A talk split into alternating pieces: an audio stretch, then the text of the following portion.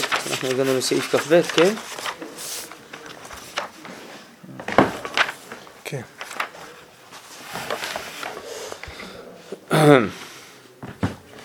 טוב, זה פסקאות מיוחדות שהן עוסקות בפנימיות הרוחנית של ישראל.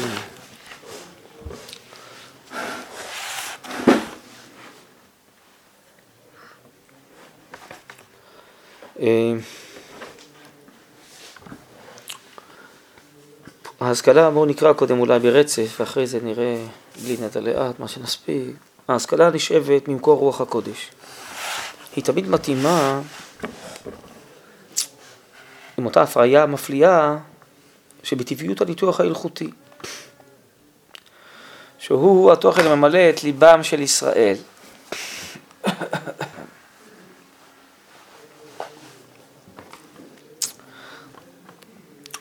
הגבורה האיתנה, המושלת על חיים, מתווה להם את אורחם ואת צביונם,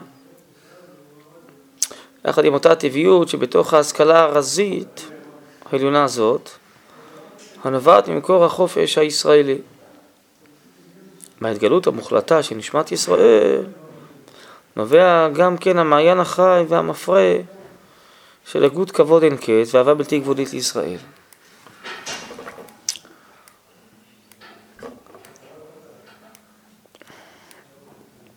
זאת הסקירה החודרת. יודעת לחשוף מצפוני החיים, ויודעת להעריך את הערך של העיקר הישראלי מצד חטיבותו הפנימית. באותם הפלגים ששפרות החיים המעשיים והעיוניים הללו זורמות ביחד במרוץ עזיז ואדיר, שם רז החיים לישראל גנוז. שם סוד האמונה והבטחה העליונה מונח,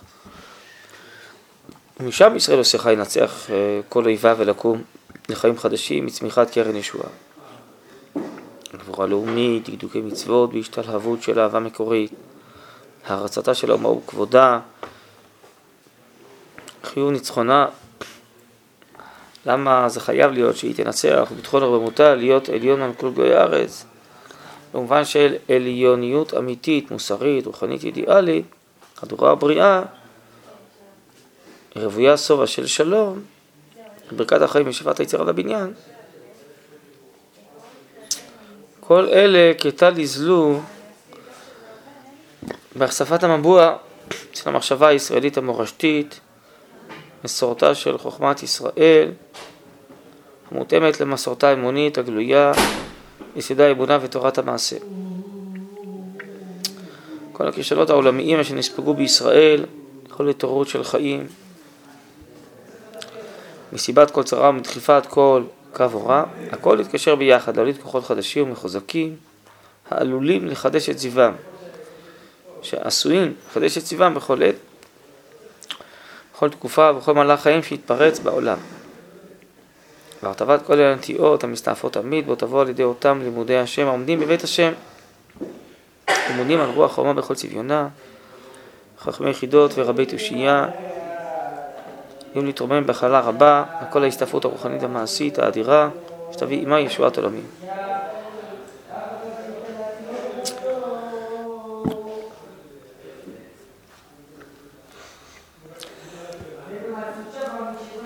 טוב, אה, אפשר לנסות אה, ללמוד, אני לא מרגיש שאני מבין פה את אה, כל מה שנאמר, אבל בואו ננסה ככה לדלות. מה שנצליח. ההשכלה הנשאבת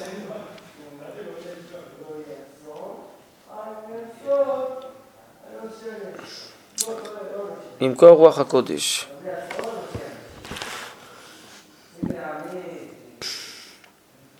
היא תמיד מתאימה עם אותה הפריה מפליאה שבטבעיות הניתוח ההלכותי. שהוא התוכן המלא את ליבם של ישראל.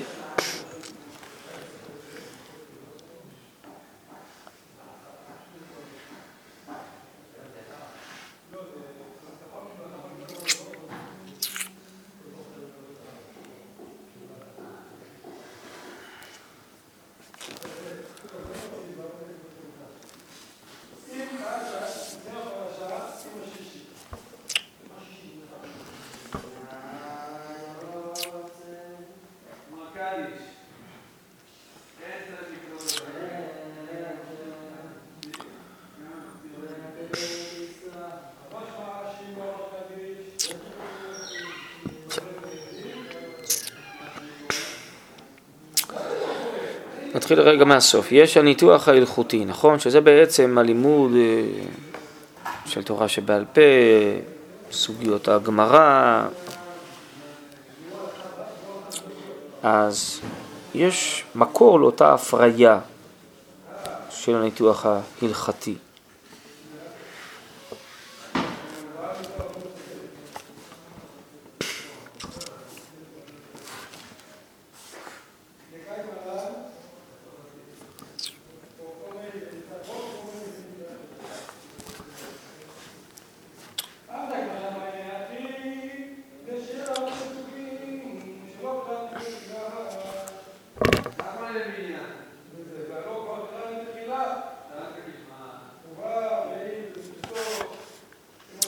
אומר הרב, יש בעצם אה, התאמה בין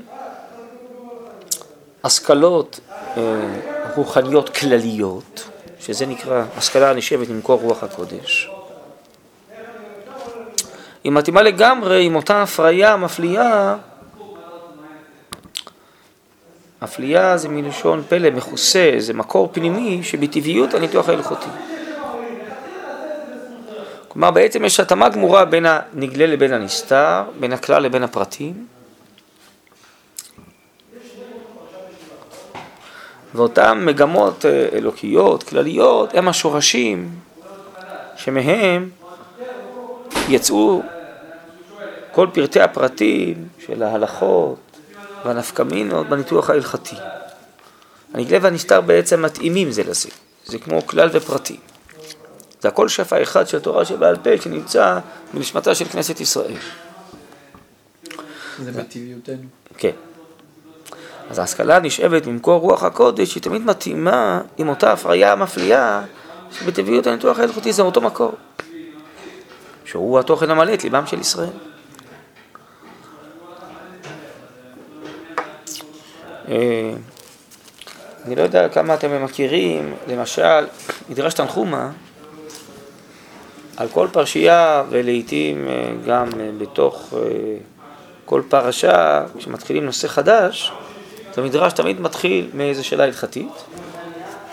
אחרי זה הוא עובר לדברים של אגדה, דברים רוחניים שקשורים לאותו, לאותה שאלה הלכתית, שאותם דברים קשורים לפרשה. למה הוא מתחיל משאלות הלכתיות, הרי עיקר המדרש הוא בא לומר לנו כל מיני אה, כל מיני אה, רעיונות אה, עמוקים, כלליים, רוחניים, אמוניים, נכון? כן, אבל זה אותו דבר. רק שזה בצד המעשי ההלכתי, ויש לזה שורשים רוחניים. לעיתים הרב קוק עושה את זה בעין היה, הוא אומר את זה גם בהקדמה. שהוא לא רק יבאר את המימרה עצמה, אלא את שורשיה הרוחניים הכלליים שממנה גם יצאה ההלכה הזאת, או המימרה הזאת. לכן הוא קורא לזה אין, לשון מעיין. גם פה הוא מזכיר את המעיין. מעיין זה נשמת האומה תמיד. אז בעצם יש איזו הפריה כזאת. אז אה, נגיד, אם אה, יש גמרא מסכת שבת שצריך כל יום אה, לנעול נעל ימין, אחרי זה נעל שמאל ולקשור קודם שמאל אחרי זה ימין, יש לזה שורשים רוחניים. למה צריך לעשות את זה? זה קשור, כל המושג, ימין ושמאל, צפון ודרום, וכל מיני ערכים רוחניים כלליים, שבסוף מופיעים גם בהלכה הזאת של האדם, שקודם אה, נועל נעל ימין, כן? אז הרב מראה את השורשים הרוחניים כן, בלי לערבב הלכה ואגדה, כן? אבל יש אה, מצע רוחני שיש לו מחשבות רוחניות, ובסוף אותו מצע רוחני זה גם טעמי כל מיני מצוות או הלכות ודקדוקים. לא שעל פי הסברות הרוחניות אנחנו לפסוק הלכה, בסוף לפסוק את ההלכה יש סברות הלכתיות שעל פיהם אנחנו דנים פוסקים הלכה. כנגד זה אמר חתם סופר, גדולי ישראל לא לערבב הלכה ואגדה. אבל יש טעם להלכה הזאת, יש טעם למצווה הזאת, הטעמים נמצאים באגדה. אז יש, ימין ושמאל, וצריך לדון מה קורה באיתר וכן הלאה, נכון? אז זה דיונים הלכתיים. אבל המושג ימין ושמאל זה מושגים רוחניים, אמוניים. מה ההבדל בין ימין לבין שמאל? בסדר? צריך הרבה זהירות בזה. נכון. צריכים לשמוע עוד... אה, נכון, והרב אומר כאן באורות במקום אחר שהעבודה הזאת עוד לא נעשתה בישראל במילואה בצורה, ניסיונות הרב אומר, לאחד ההלכה והאגדה, אבל בעצם זה עוד לא הופיע בישראל במילואו. נכון. מה ההגדרה של ערבוב? אה, הרב צ'ודה מביא סיפור כזה, שזה היה עקיצה של הנודע ביהודה, הוא היה בתקופת הבעל שם טוב. והיה איזה מייסה שאישה הביאה עוף לבעל שם טוב, והוא אמר שהוא רואה שרוח הטומאה שורה על זה. אז הנודע ביהודה אמר שעכשיו הוא מבין פסוק בנביא שאמר שאישה תביא עתיד לבוא לנביא פת לחם, אה, כיכר לחם, לא זוכר. כדי uh, לשאול שאלה הלכתית, אז הוא שאל, למה היא צריכה להביא את הכיכר לחם? היא יכולה לשאול את השאלה בלי שהיא מביאה את הכיכר לפני הנביא. אבל הנביא צריך להגיד. אז... אה,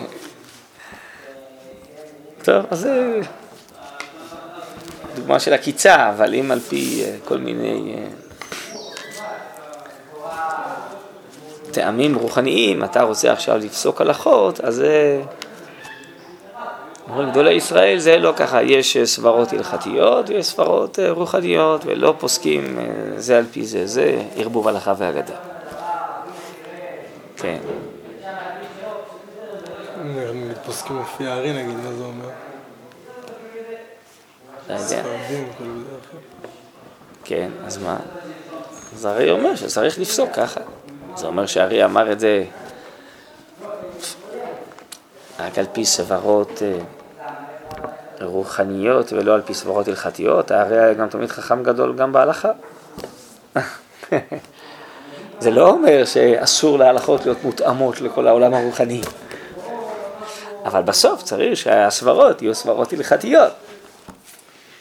ולא רק בגלל העולם האמוני, אם זה לא בסוף מופיע בצינורות, בכלים, בהיגיון אה, שכלי, הלכתי, אז זה לא, אבל אה,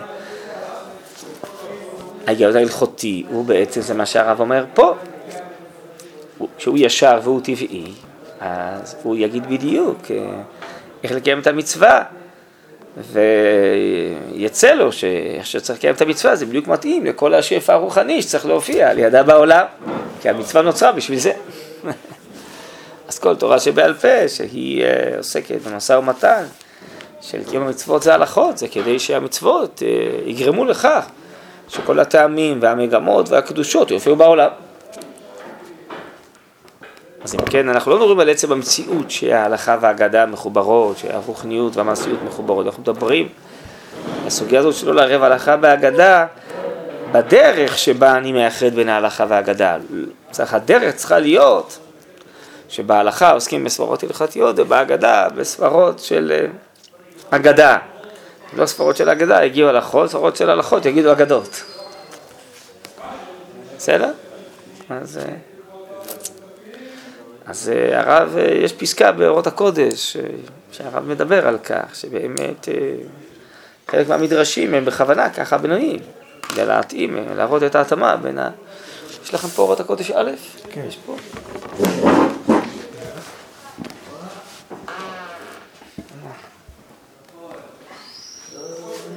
הרב מתייחס למדרשים האלו שמזכירים הלכות.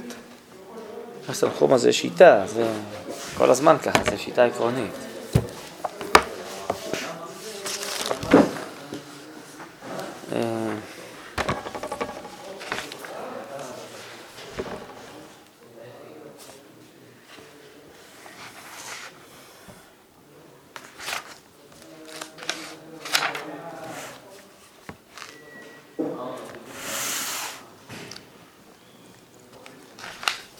ייחוד ההלכה והאגדה, ייחוד התורה והנבואה.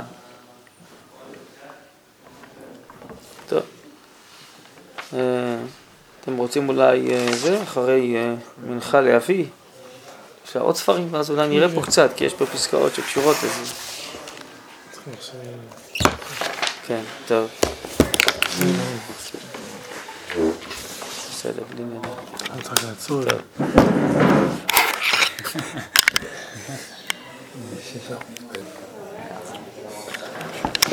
נסיים קודם כל את המשפט, כי הפסקתי באמצע המשפט.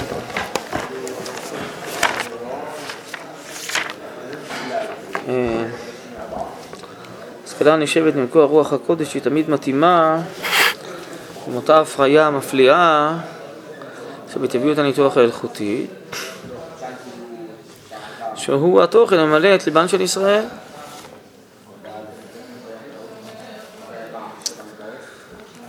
הגבורה האיתנה, אז יש התאמה בין הכלל בעצם, נכון, הרוחני, לבין ההופעות של הניתוח ההלכותי. המושג ניתוח זה משהו שעוסק באופן מדויק בפרטים. כל זה ממלא את ליבם של ישראל, שם כל הכללים והפרטים נמצאים בחוברת. תוך המבוע הזה הכל מופיע. ליבם של ישראל זה בעצם ביטוי לכנסת ישראל, לרוחניות הפנימית, הטבעית, שממלאת אותנו. הגבורה האיתנה, המושלת החיים מתווה להם את אורחם ואת צביונם, שזה, גבורה זה תמיד משהו שמוציא לפועל בעולם המעשה, משהו שלפעמים מפרט ומדקדק, כן? יש שם הגדולה והגבורה. הגדולה זה הכלליות, והגבורה זה ההוצאה לפועל של הפרטים. הגבורה האיתנה מושלת על חיים, מצווה להם את אורחם וצביונם. מושלת, מנהיגה, כן? אז יחד עם אותה הטבעיות שבתוך ההשכלה הרזית העליונה הזאת, ששם זה השפע הכללי, כן? זה הרזים, זה הסודות העליונים, הכלליים, עוד לפני הופעתם והתפרטותם אה, והשפעתם על העולם, כן? יחד עם אותה טבעיות שבתוך ההשכלה הרזית העליונה הזאת, הנובעת ממקור החופש הישראלי. חופש זה חופש הנשמה, חופש האלוקי. טוב, אה, אז ממילא הרב בא לומר שיש ההתאמה בין הכללים לפרטים אצלנו, בין הנגלה והנסתר בתורה ובין השפע הרוחני האלוקי של המגמות האלוקיות שמניעות את כל המציאות לבין ההנהגה המעשית המושלת על החיים ומטרה להם את אורחה, כן? טוב, יש פה כל מיני ביטויים וכולי, יש פה אה, דברים שאפשר אולי עוד אה, להרחיב, אבל בואו נראה קודם כל באמת קצת על העניין הזה של ההלכה והאגדה, אז יש כאן ברורים חשובים שממש פה קשורים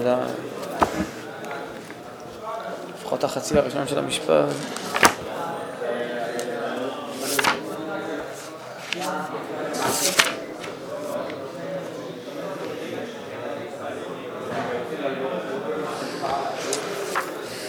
אז אה, החלק הזה מתחיל כאן באבות הקודש א', הלכוד הנסתר והנגלה, זה מתחיל בעמוד כ"א.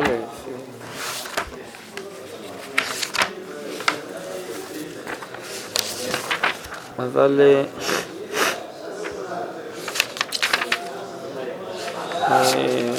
בהתחלה אה, זה רק כאלה עוד הקדמות כלליות. אז אולי נתחיל בעמוד כ"ג, סעיף ט"ז, איחוד התורה והנבואה. כן, חלק א' של אורות הקודש. כן? אז עמוד כ"ג אולי, זה יותר אה, מוכוון לנושא שלנו. נבואה ורוח הקודש באים בדבר השם לפנימיותו של אדם.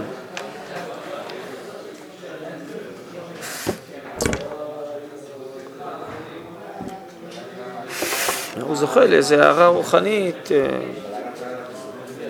פנימית. ומתוכם נשפיעים לכל מה שנוגע לעולם כולו. ואין דוגמתם האגדה, הרי נובעת מהנפשיות של האדם, מסדרת את ענייניה גם כן ביחס החיצוני של העולם.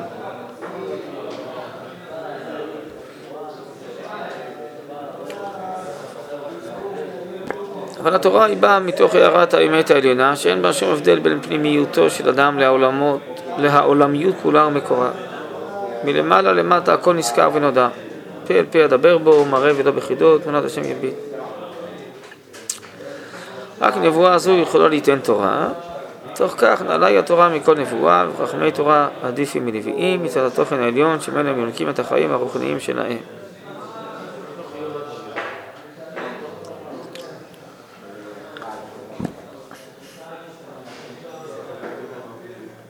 טוב, זה לא בדיוק הנושא שלנו, אז... אה, אה, בעמוד קפה יש משהו... שנייה, שנייה, לאט לאט, אה, אבל אני רוצה להמשיך פה בסעיף הזה. מצד גאוותם של ישראל שנתלה מהן וניתנה לאומות העולם, מתגבר כוח של היפוך הסדר. הנביאים והכתובים ושאיפת רוח הקודש משפיעים לפעמים בצורה יותר בולטת מהשפעת התורה. והאגדה מתגברת על ההלכה. באמת היא צרת גלות גדולה. כלומר, אם תשימו לב, אז הרב בעצם הסביר, כמו שהוא אומר באגרות, שהאגדה היא התפשטות הנבואה. כן, בירידתה, אז היא נעצרה באגדה. נעצרה, אפשר לעצור, כן? לא בעין, אלא באלף. כן? מעין דוגמתם, הרב אמר קודם, זה האגדה. אמ,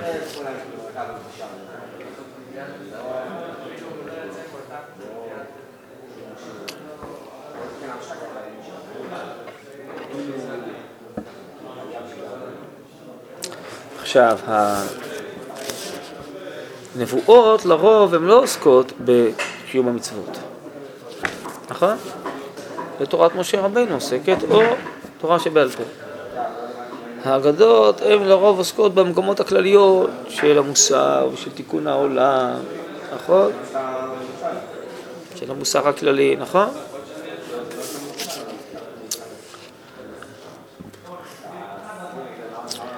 אז אה, הרב אומר שהתפשטותה של הנבואה בסוף זה בהגדה, וגם ההגדה עוסקת בכל מיני אה, אה,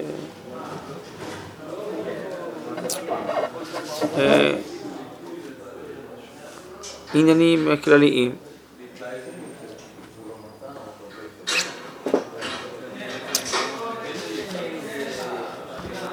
אבל התורה היא יותר עליונה מהנבואה.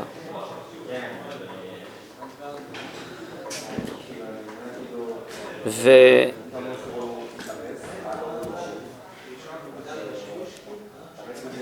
התורה היא עוסקת אה, במצוות.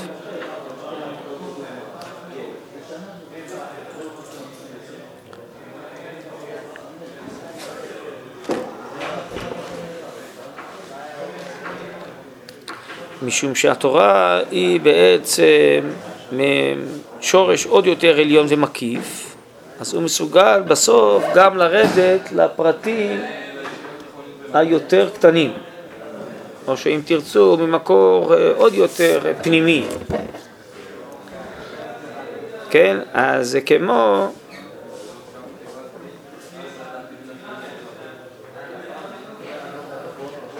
אה, אור שהוא אה, קצת כהה, אז רואים את הדברים, רואים אותם בכלליותם, לא רואים באופן מדויק לפרטי הפרטים. כשיש אור גדול, בהיר, אז אפשר לראות גם לפרטי הפרטים, נכון? יש ראות, בהירה, כן? אז האור של התורה, בעצם מקורה של ההלכה, הוא כל כך עמוק, כן? שבמילה בסוף זה מופיע בפרטי הפרטים של התורה.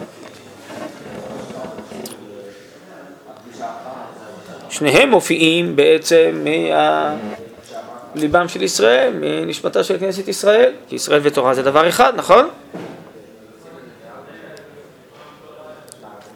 אבל יש הופעה של כללים ויש הופעה של פרטים, והאגדה לרוב עוסקת בכללים וההלכות עוסקות בפרטים, בסדר?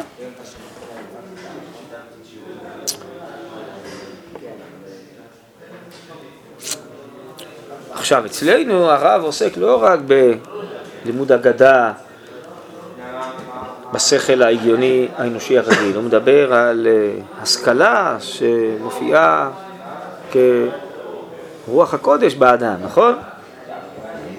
אז היא בעצם באה מהאוצר הפנימי הזה,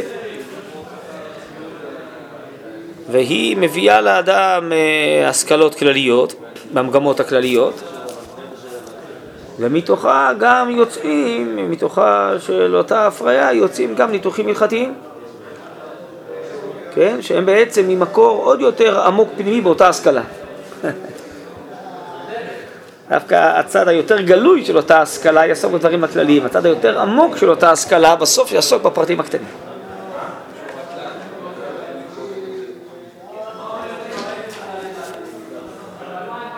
יכול אדם שלומד כאילו קבלה ונסתר וזה, צריך יותר... אה, אז הוא יהיה יותר, עוד יותר מדויק ויותר ירכש כבוד וחיבה והערצה והבנה לכל פרט של תורה, איך הרב אומר באורות התשובה, הוא ישכיל כמה כל קוטן נמצא בו כל גודל.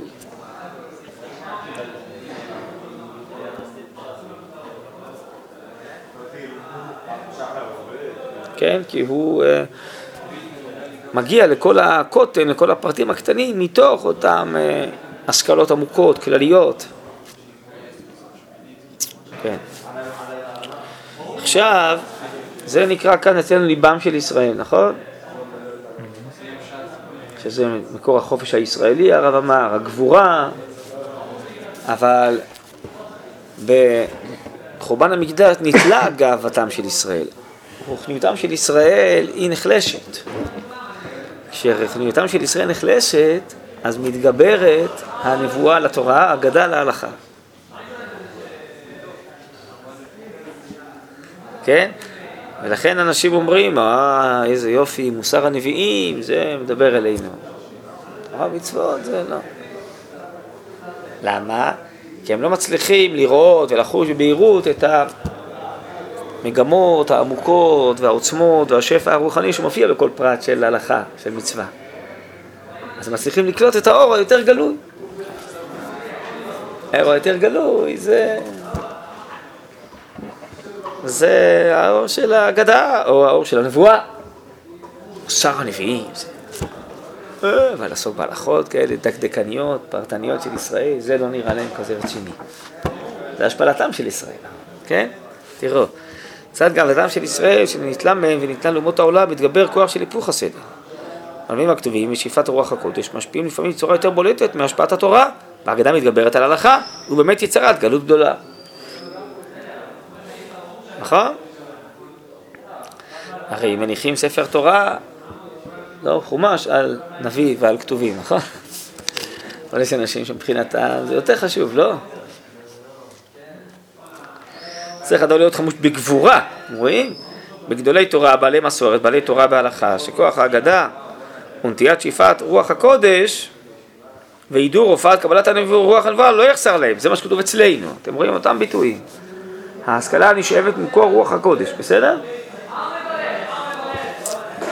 צריכים להיות בעלי תורה כאלה, שיש להם כוח אגדה, ושפעת רוח הקודש, וידעו רופאת קבלת רוח הנבואה לא יסמן, והם יגבירו את כוח ישראל, יכשירו לגאולה, לרומם את התורה על ידי הנבואה ורוח הקודש. מה הכוונה? שהנבואה ורוח הקודש יסבירו את העומק של פרטי התורה, ואת ההלכה, מעשה ותלמודה על ידי ההגדה. ההגדה תסביר את טעמיה של ההלכה, למוסר ההגיוני.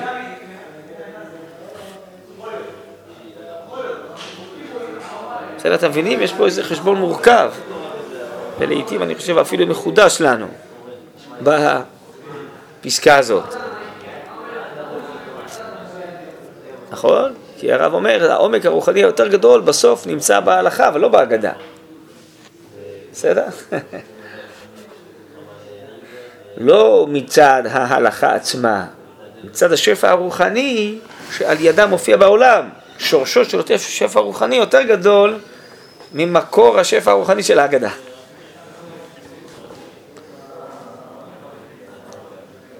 עדיין קצת בצרת הגלות. כן, נכון. עכשיו תראו עוד אה, פסקה מקבילה לזה בנושא אחר, דלגו איתי רגע.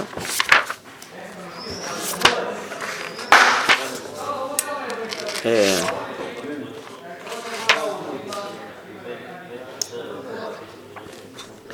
לעמוד פ"ז.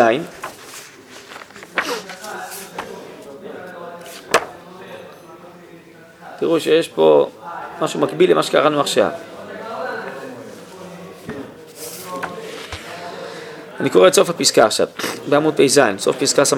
הפעולות וההדרכות שראו הנביאים הוא במעלה קטנה לגבי המעלה העליונה של הפעולה הפנימית. ובמקום שהנבואה שבאספקלריה שאינה מהירה אומרת, והלכו עמים רבים ואמרו לכוונה לאלך השם אל בית אלוקי יעקב. וראינו מדרכיו דרכיו ברוחותיו כי מציון תצא תורה ודבר השם בירושלים שהיא הצעה למדרגה הפעולית הניכרת, שהיא המדרגה השנייה. אומרת הנבואה שבאספקלריה המהירה היא תורת משה, ועתיים שמעו תשמעו בקולי ושמרתם את בריתי, הייתם לסגולה מכל העמים כאילו כל הארץ. אתם תהיו למלאכת גולים מגוי קדוש, אלה הדברים שתדבר בני ישראל. מה שאומרת התורה זה במעלה ראשונה. מה שאומרת הנבואה זה במעלה שנייה. אף על פי שהנבואה לכאורה היא מדברת על השפעה יותר כללית. על עמים רבים וזה, נכון?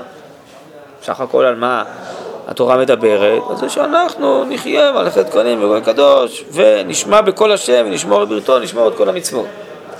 כן, אומר הרב, לשמור בעצם את כל המצוות ואת כל פרטי ההלכות זו הופעה רוחנית מאוד מאוד עליונה. יותר מההופעה הגלויה הניכרת, זו הופעה כזאת פנימית, שמגיעה ממקור מאוד פנימי. היא הופעה יותר עליונה מאשר ההופעה הגלויה, שאתה מלמד אה, אחרים את המוסר והרעיונות הכלליים, אבל לא הגעת לתוקף הפנימי של גילוי השורש הרוחני העליון שבכל המצוות. ואם תשאל, טוב, אז זה אולי מצידי, אבל באמת איך משפיעים יותר טוב על שאר העמים? לכאורה, על פי מה שהנביאים אומרים, הם יגידו, יורה למדרכיו, דרכיו ברכותיו. אז זה לא מה שהרב מתכוון פה. הרב מתכוון שההשפעה היותר גדולה לעמים תהיה, כמו שתורת משה רבנו אומרת. כי כשעם ישראל, הוא יחיה בתוקף ובמילוי, בגבורה, לא בנתלה גאוותם של ישראל, אלא מתוך רוממות ישראל, הוא יחיה את השפע הרוחני השורשי הזה, זה יאיר ויסחוף את כולם יחד איתו הרבה למעלה מכל ההשפעה הגלויה שהוא ישפיע מבחוץ על אחרים. יש ביאורים כאלה, נכון? ארוכים ומורכבים. שהרב מבאר ככה את מחלוקת בית שמאי ובית הלל לגבי מוסיף הולך או פוחד והולך, לא? בית שמאי בעצם אומרים פוחד והולך, זה השפעה על אומות העולם. ההלכה כבית הלל שמוסיף והולך זה מצד סגולתם של ישראל שמוסיף והולך זאת בסוף יהיה פרסומי ניסה הכי גדול, השפעה על כל אומות העולם, בסדר? עכשיו זה קשור למה שהרב אומר פה. טוב, זה לא ישירות הנושא שלנו, אבל uh, רציתי רק להראות לכם את החשבונות של הרב לגבי הלכה ואגדה, לגבי נבואה ותורה, שתורה פה היא בעצם המושג של המצוות וההלכות, מה שאצלנו בסעיף, כן? והנבואה היא קשורה לאגדה ולכל ההשכלות הכלליות. טוב, עכשיו, באופן יותר מדויק לסעיף שלנו, זה באמת כאן בהמשך. אה, אה, סעיף שנקרא איחוד הלכה והגדה בסעיף י"ח, אבל אולי לא נראה את הכל כי זה ארוך.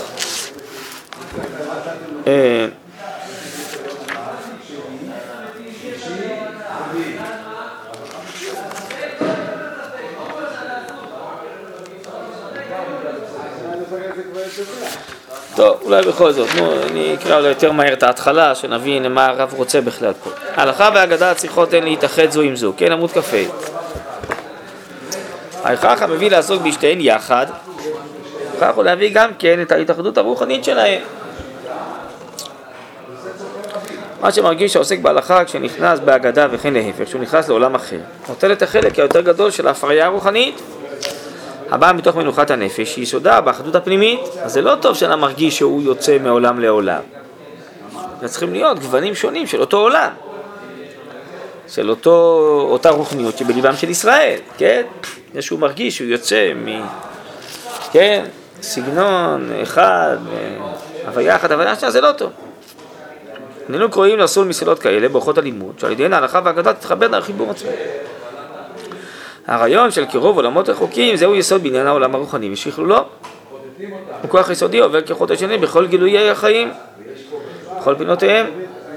הוא צריך להתגלות תמיד בצורה יותר רחבה. התכונה האנליטית, כן, האנליטית היא החותכת, המנתחת, המפרדת, כן? לנתח באופן אנליטי, כן? ולהפריד, להבדיל בין הדברים.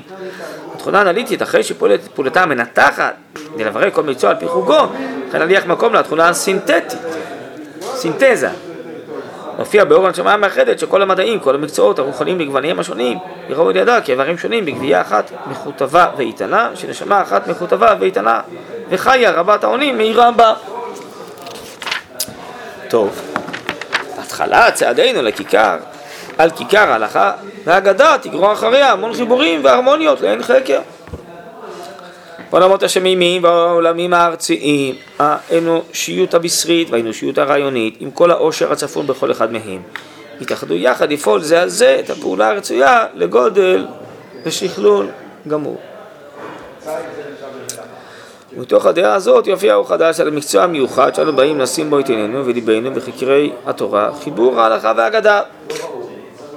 החיבור הזה איננו כי אם התגלות האחדות החבויה בהם מאז ומעולם. זה לא שבאופן מלאכותי אני בא, כן, כמו שאדם מושך קצת, חסר לו שמיכה מפה, שמיכה מפה, אז הוא מושך משני הצדדים כדי שבסוף הם יתחברו, כן, משהו באופן מלאכותי.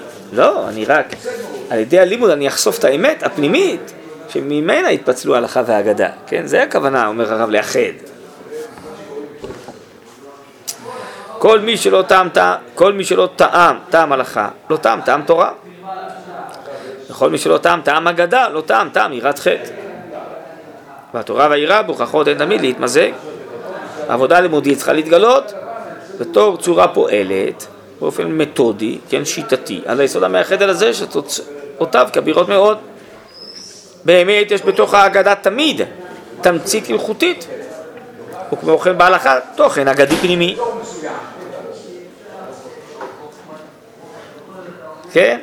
בתוך ההלכה יש תוכן אגדי, כי בעצם יש כל מיני רעיונות, מוסריים, רוחניים, שהם בסוף הטעמים, כן? של ההלכה. אז בתוך ההלכה יש תוכן אגדי פנימי, כן? כמו ש...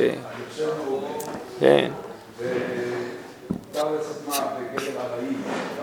ובתוך ההגדה יש תמיד תמצית הלכותית, שבסופו של דבר, כן, הרעיונות האגדיים האלה, כן, הם שייכים, מחוברים, הם נשמט כל מיני הלכות.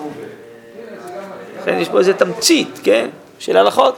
אתם רוצים רגע להביא מדרש תנחומה, אני אראה לכם למשל אה, מדרש תנחומה. משנה זה כרך? לא, אה, סליחה, זה כמה כרכים. תביא על זה עכשיו, על ספר שמות, אני יודע.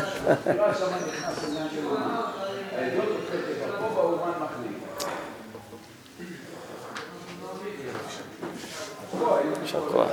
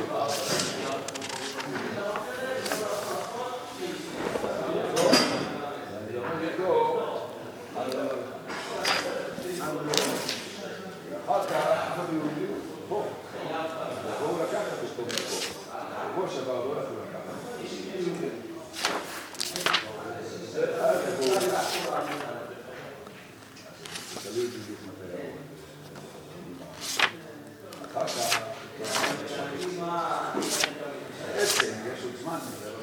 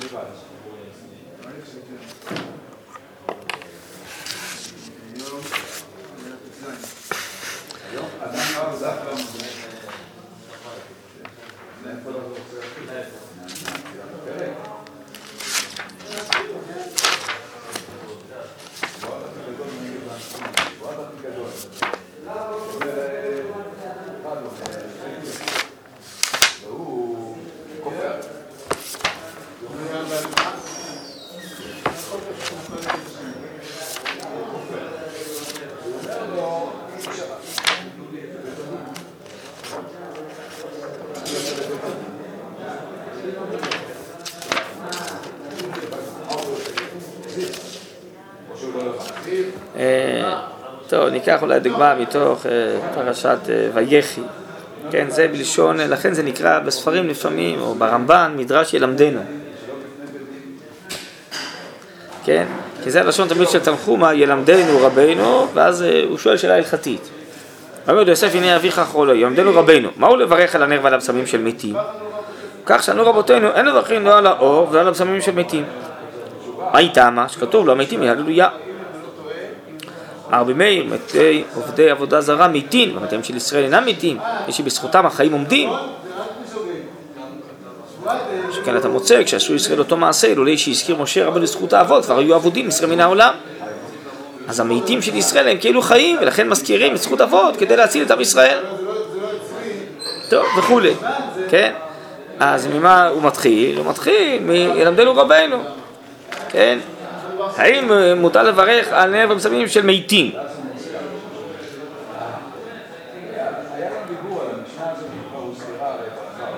אז אומר לא, כי בעצם לא המתים יללויה, ההערה האלוקית בעולם הזה יוצאת מתוך החיים, לא מתוך המתים. אז מסביר, מתוך ככה, מאיר ומאיר, יש הבדל בין מתי עבודה זרה שבאמת מתים, אבל מתי ישראל הם גם כן בעצם חיים. כן, אז האם בגלל זה עכשיו, הנה, אפשרות לערבב הלכה והגדה, האם לכן יהיה מותר לברך על נר ובשמים של מתי ישראל? ברור שלא. בסדר? אבל, כי בסופו של דבר להלכה אנחנו לא מברכים על נר של מתים, כי גם המתים חופשים מן המצוות, המצוות זה רק בהופעת החיים. אבל באמת יש מושג אחר של מוות אצל הישראל, אצל הגויים, אצלנו מוות זה רק מוות גופני, בסדר, אז כיוון שיש מוות גופני והאור האלוקי לא מופיע בעולם הזה, אז לא מברכים על הנר, כי אנחנו, נר זה ברכה של הופעת האור בעולם הזה. אז בזה מתי ישראל ומתי עכו דומים.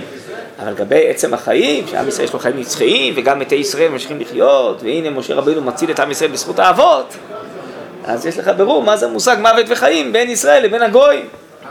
אז במובן של ההופעה בעולם הזה זה דומה. במובן של האמת הנצחית, העתידית, אז זה שונה. בסדר? אז המדרש התחיל, זה מה שנקרא שבכל דבר הגדה יש תמצות הלכתית. כן? וזה מופיע הרבה פעמים פה, ילמדנו רבנו, כן?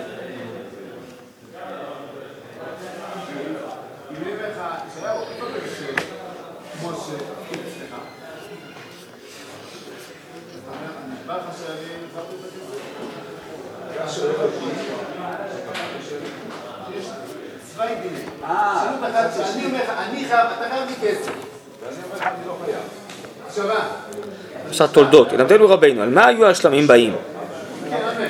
כך שנה רבי חייא, בא רבא בשם רבי יהודה, כל המביא שלמים מביא שלום לעולם.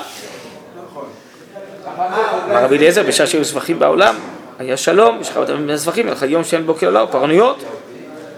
אמר רבי שמעון בר יוחנן, למה שלמים עושים שלום בין באים? רבי שמעון יוחאי, גדול הוא השלום, שדיבר תורה דברי בעדיי בשביל שלום וכולי. כל תאמרו לדון ליוסף, אנא שנא פשע אחיך. אז מתחילים את הבירור הזה של השלום וכן הלאה, מתוך דין השלמים.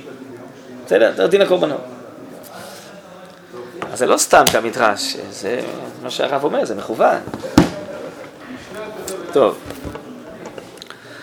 על פי רוב מונח התוכן האגדי בצורתה האיכותית של ההלכה. התוכן האלחוטי בתיאורה הכמותי של ההגדה. כמותי הכוונה היא שיש לזה נפקא מינות למעשה. כמו פה, האם לחיים אה, של המתים אפשר להשתמש בהם בשביל להדליק נר או לא, כן? אז יש לזה נפקא מינה כמותית, מעשית. אבל יש פה בכלל ברור פנימי, מה זה חיים, כן? של מתים, מה זה חיים של חיים, מה זה חיים של עם ישראל, של הגויים. ובלא חיפוש והרגשה מיוחדה, מושפעים אנו בעת הלימוד ההלכותי מתכונתה האגדית המסותרת של ההלכה, בלימוד האגדה מקיצובה של ההלכה מעורב בתוכן האגדי. אז גם אם זה לא מפורש מדברים על זה ומחברים, הרב אומר תמיד הנפש שלנו מושפע, גם אם היא לא שמה לב. אמנם אין כל אחד מרגיש בבליטה הגונת הזרמים הללו, שהם מלאים מציאות ידירית, כל אחד במקצוע של חברו.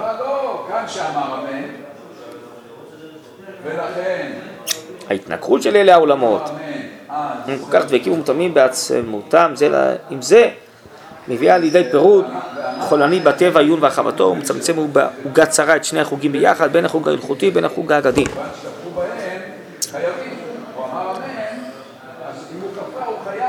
חייבים לנו להבליט מאוד את ההתוודות של אלה שני הכוחות בצורה מתוקנת, שכל אחד יבסס יותר את תוכן חברו ויעזור ביותר לברר את פרטיו. ולהאיר אור יותר בהיר על תיאוריו הכלליים, ולא מסברותיו והיקפן. אחת צריכה להתבשם מריח ההגדה בשיעור מותאם והגון, וההגדה צריכה להיערך בתוכנית של קצב של משפטים קבועים והיגיון מבורר ומוגדר כתבנה של הלכה מאוששת, ועם זה ייכפל כוח שתיהם ברעננותן. צור שהביא את בעלי הפלפול בדורות שעברו לנסות לפעמים לשלב את ההגדה עם ההלכה, הוא באמת נובע מתביעה זו של אחדותם של אלה הכוחות הפועלים כל כך יחד. הרב אומר את זה באורות, שהניסיון הזה לא הצליח. לא הצליח. אני לא יודע אם אתם יודעים מה זה שיצאו הרבה גדולי ישראל, השלב ואחרים, על שיטת הפלפול שהייתה פעם באשכנז. הפלפול הכוונה היא לבנות כל מיני טילי טילים של מחשבות הלכתיות, נפקות הלכתיות, גם שהן בעצם לא למעשה בסוף. לא להלכה ולא למעשה. אבל בניינים שכליים, רוחניים, שלא מכוונים בסוף לעסוק ישמעת ליבה הלכתה. ולא מכוונים בסוף למדיטה של תורה. אבל השכל הוא אה, יכול אה, לחבר וליזום וליצור כל מיני דברים, משתמש גם בכוח המידע. אז הרב מסביר את זה בעדר היקר, שהצמאון האגדי הוליד את שיטת הפלפול, צמאון המרחב.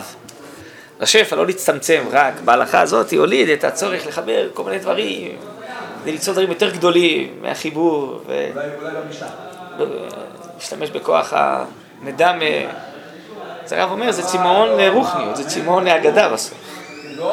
כן? אז לכן זה לא השיטה שבסוף אה, התקבלה בישראל והצליחה בישראל. כי ההלכה צריכה להיות הלכה והגדה זו אגדה, כי כל אחד הוא אה, מתבשם מהשני. אנו שהננו כבר דרושים, דרושים לקבץ כמה קרשונות וידיעות לבירורם של תלמודינו ושל כל אורחות חיינו, בפרט שגם עצם הלימוד ההלכותי מוכרח הוא להיות מורכב בהרחבה של כמה שיטות, של ראשונים של אחרונים, של דורות במשך הדורות.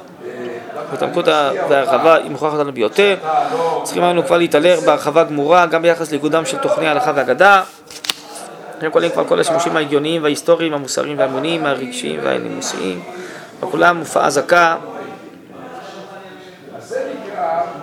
ספוגה מתהלכם של כללות תורת תורה, שוריה לבוא. נביאת חן על כל העושה בתורה לשמה, ליתן לו עדן מיוחד, ואור של שמחת תורה מעודדת ל... טוב. בסדר, נראה לי שזה מספיק פה לעניין שלנו. טוב, אז אולי נעצור פה, נמשיך בעניין הפעם הבאה, אולי את המשך ה...